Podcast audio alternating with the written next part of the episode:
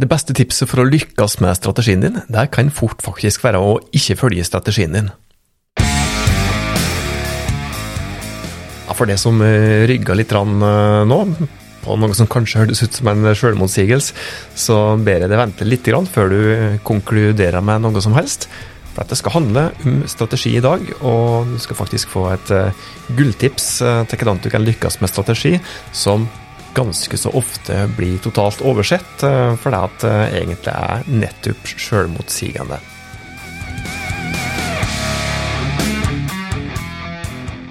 Velkommen til podkasten fra fagfolk i Haus, nærmere bestemt Hauspodden oss er på plass for å hjelpe deg med å nå de målet som du har sett i den virksomheten som du jobber i. Jeg heter Tormod Sperstad, sier tusen takk for at du hører på Hauspodden.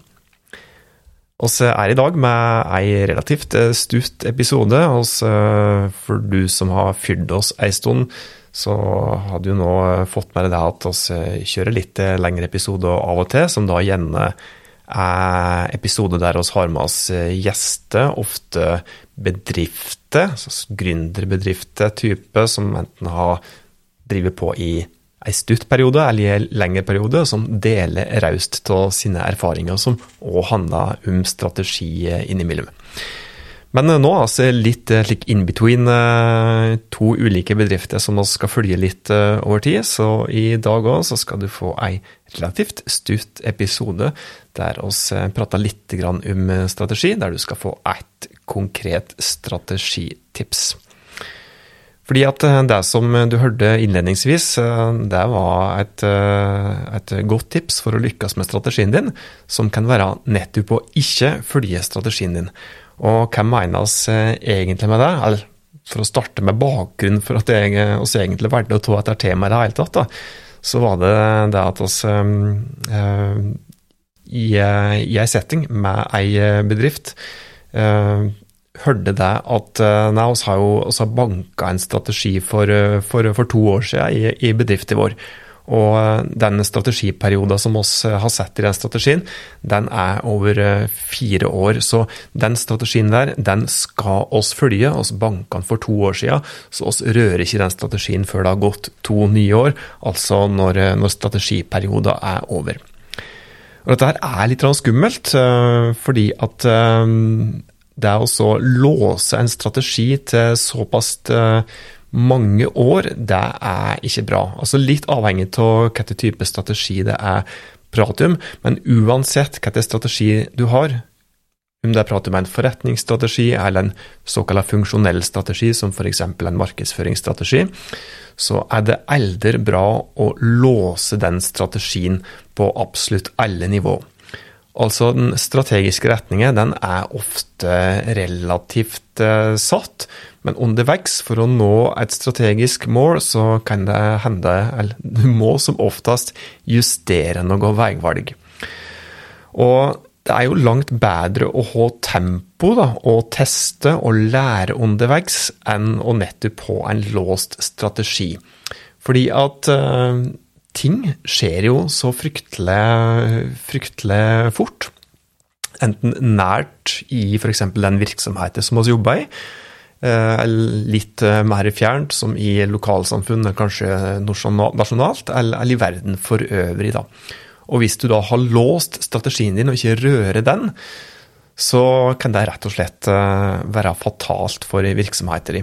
Fordi at de forutsetningene som du baserte de strategiske valget på for f.eks. Eh, to år siden, de forutsetningene kan være totalt forandra nå i dag og kanskje i morgen. Ting forandrer seg ofte i et voldsomt tempo, og de forandringene kan være både små og store som da påvirker enten taktiske valg som du gjør i strategien din, eller kanskje òg overordna strategiske veivalg. Så hvis du ikke følger med i omgivelsene dine og justerer strategien din underveis, så er det skummelt. Jeg sier det en gang til, Det er bedre å ha tempo og teste og lære underveis enn å låse strategien din totalt for en lengre periode. Du kan gjerne vedta en lik overordna strategi og si at strategiperioden er fire år, men det betyr så absolutt ikke at du skal låse deg fast til den strategien og ikke, ikke ta noen andre veivalg underveis.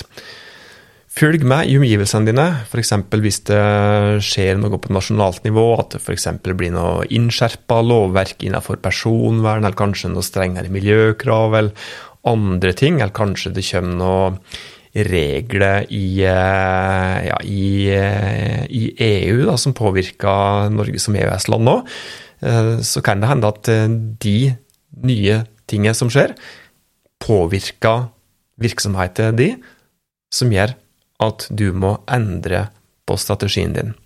Enten store den enn en mindre deler på f.eks. på for eksempel, taktisk nivå.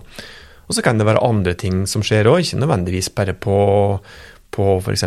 juridisk nivå, lovmessig nivå. Det kan være endringer i trender som forbrukere, f.eks. For at, at målgruppa di f.eks. endrer kjøpsmønster, eller at det skjer eh, nye ting på klimafronten, f.eks. at eh, at eh, det blir enda mer og enda voldsommere ekstremvær enn det som forskerne i utgangspunktet hadde trodd, som kanskje kan påvirke tilgangen på råvarer for det.